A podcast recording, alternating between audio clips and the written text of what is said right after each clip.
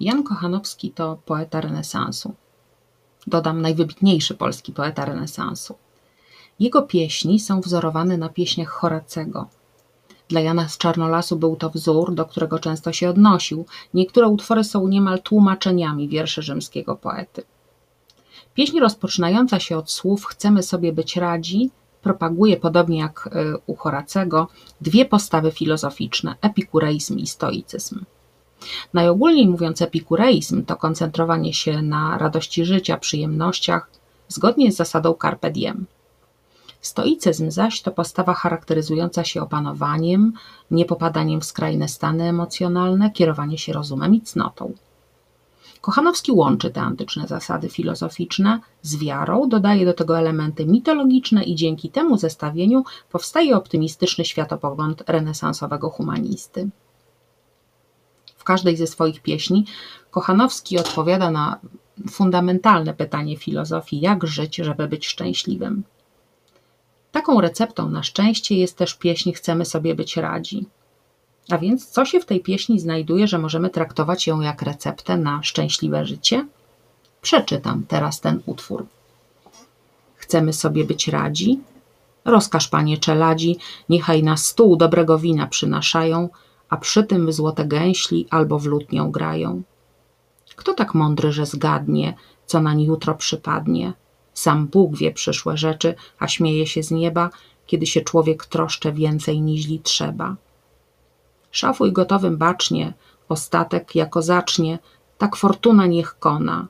Raczyli łaskawie, raczyli też inaczej, my siedziem w jej prawie. U fortuny to snadnie, że kto stojąc upadnie, a który był dopiero u niej pod nogami, patrzajże go po chwili, a on gardzi nami. Wszystko się dziwnie plecie na tym tu biednym świecie, a kto by chciał rozumem wszystkiego dochodzić i zginie, a nie będzie umiał w to ugodzić.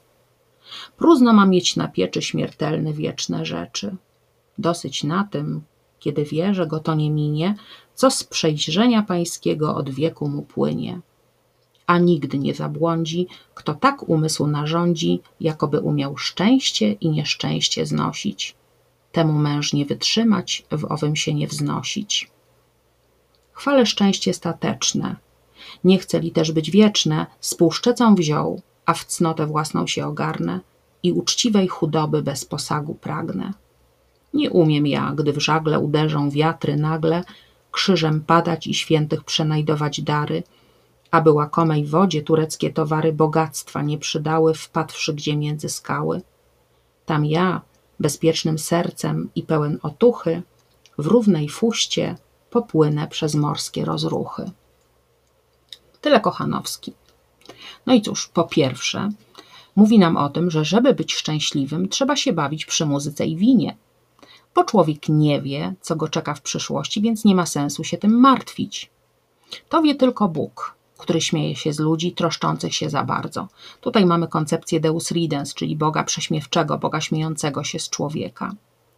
Po trzecie, jesteśmy zależni od fortuny, bogini losu, która, jak wiadomo, jest kapryśna i może sprawić, że ten, któremu się powodzi, traci swoje szczęście, czyli upada.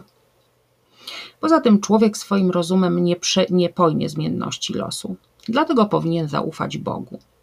A najważniejsze jest to, by być opanowanym i tak samo odbierać szczęście, jak i nieszczęście. Tu właśnie mamy ten stoicyzm. Podmiot liryczny ujawnia się w pierwszej osobie liczby pojedynczej dopiero na końcu pieśni i deklaruje, że on kieruje się cnotą, nie pożąda bogactwa, pragnie skromnego dobytku, dlatego przez życie, które porównane jest tu do morskiej wędrówki, płynie bezpieczny i szczęśliwy. No i dopłynie. Tyle Kochanowski. Zobaczcie, jakie to mądre.